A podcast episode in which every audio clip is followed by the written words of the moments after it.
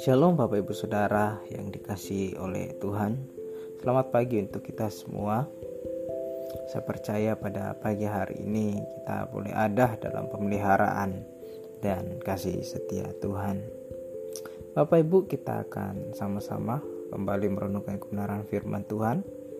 Namun sebelum itu Bapak Ibu Saudara mari kita bersatu di dalam doa Bapa dalam kerajaan sorga kami mengucap syukur Tuhan buat penyertaanmu sepanjang malam. Dan pada pagi hari ini kami boleh bangun itu semua karena kemurahanmu dan kasih setiamu dalam kehidupan kami. Dan kami berdoa menyerahkan ke dalam tanganmu ya Bapa. Biarlah engkau Allah akan menolong ya Bapa. Biarlah kebenaran ini boleh menjadi kekuatan baru bagi setiap kami. Dan engkau Allah akan menolong mampukan kami untuk melakukannya dalam kehidupan kami. Terpujilah nama Tuhan di dalam nama Yesus. Haleluya. Amin. Bapak, Ibu, Saudara yang dikasih oleh Tuhan, hari ini kita akan sama-sama belajar kebenaran firman Tuhan yang diambil dari dua Tawarik pasal yang ke-22. Pasal ini terdiri dari 12 ayat di mana pasal ini dalam terjemahan LAI dibagi menjadi tiga perikop Perikop pertama diberi judul Raja Asia dari ayatnya yang pertama sampai yang keenam. Perikop yang kedua diberi judul Ahasia dibunuh Yehu yang dimulai dari ayat yang ketujuh sampai yang kesembilan dan perikop yang terakhir diberi judul Atalia dibunuh dan Yoas menjadi raja yang mulai dari ayat yang ke-10 sampai yang ke-12. Dalam perikop pertama, kita dapat membaca riwayat dari seorang raja Israel yang bernama Ahasia. Dalam ayat yang pertama sampai dengan ketiga dituliskan sebagai berikut. Lalu penduduk Yerusalem mengangkat Ahasia anaknya yang bungsu menjadi raja menggantikan dia karena semua anaknya yang lebih tua umurnya telah dibunuh oleh gerombolan yang datang ke tempat perkemahan bersama-sama orang-orang Arab. Dengan demikian Ahasia anak Yoram raja Yehuda menjadi raja. Ahasia berumur 42 tahun pada waktu ia menjadi raja dan setahun namanya ia memerintah di Yerusalem. Nama ibunya ialah Atalia, cucu Omri. Ia pun hidup menurut kelakuan keluarga Ahab karena ibunya menasihatinya untuk melakukan yang jahat. Dalam ayat tadi dituliskan bahwa Ahasia adalah putra bungsu dari Yoram, raja Yehuda. Dan dia diangkat menjadi raja oleh penduduk Yerusalem karena hanya dialah ahli waris yang tersisa. Ketika Ahasia masih muda, orang Filistin dan orang Arab yang tinggal berdekatan dengan orang Ethiopia maju menyerang Yehuda, memasukinya dan mengangkut segala harta milik yang terdapat di dalam istana raja sebagai jarahan, juga anak-anak dan istri-istri Yoram, sehingga tidak ada seorang anak yang tinggal padanya kecuali Ahasia. Sungguh satu kemurahan Tuhan yang terjadi dalam kehidupan Asia. Bagaimana dia boleh selamat dan itu semua karena anugerah Allah.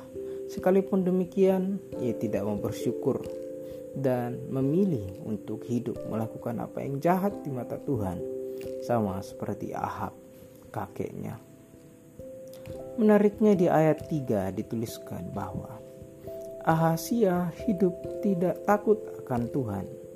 Itu karena Atalia ibunya menasihatinya untuk melakukan hal yang jahat.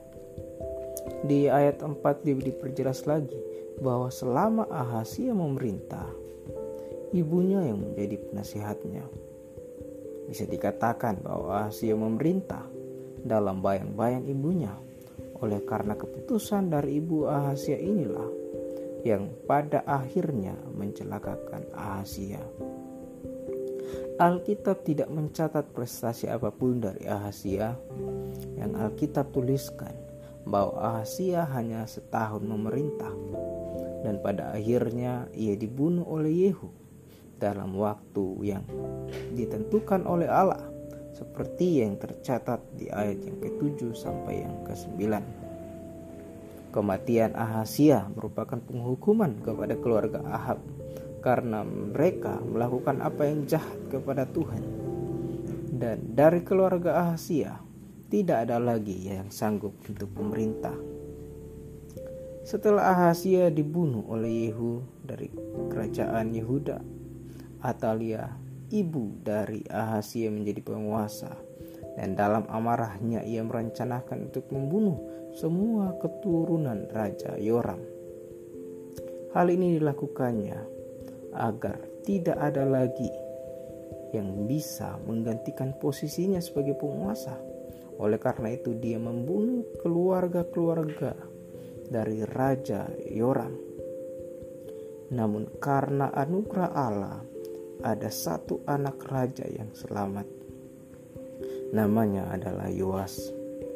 Ia disembunyikan oleh inang pengasuhnya di rumah Allah dan ia berdiam di sana. Kisah dari Yoas akan dibahas di pasal selanjutnya bagaimana ia memerintah dan tindakan-tindakan yang diambilnya. Bapak Ibu dari pasal 22 ini ada beberapa hal yang kita bisa renungkan bersama-sama.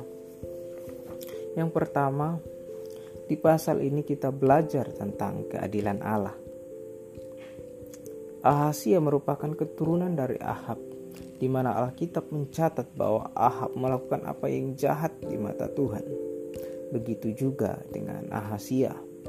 Dan di pasal 22, ini merupakan penghukuman dari Tuhan karena kejahatan yang dilakukan oleh keturunan Ahab.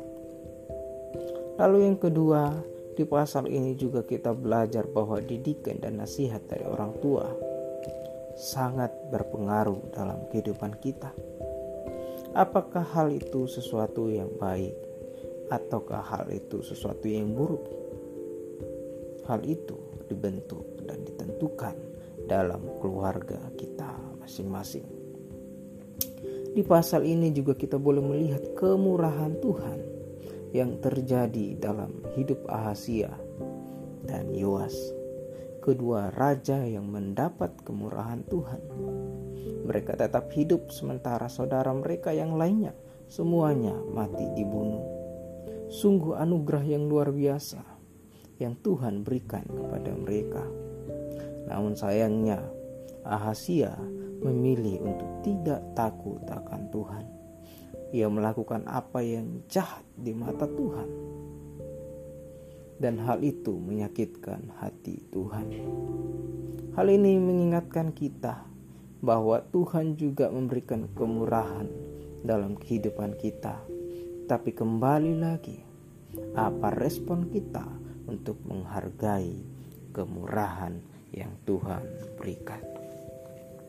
Bapak Ibu Saudara, mari kita sama-sama bersyukur dan menghargai kemurahan yang Tuhan berikan dalam kehidupan kita.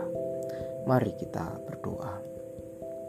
Bapa dalam kerajaan sorga kami mengucap syukur Tuhan buat firman-Mu yang kami boleh dengarkan dan kiranya ini menjadi perenungan kami apakah kami hidup sesuai dan seturut kehendak-Mu jika engkau dapati kami Tuhan tidak hidup sesuai dengan kehendakmu, kiranya engkau ampuni kami dan layakkan kami ya Bapa.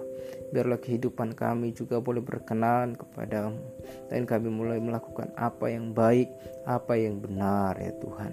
Biar Allah menolong setiap kehidupan kami, mampukan kami mengatasi setiap masalah-masalah yang ada.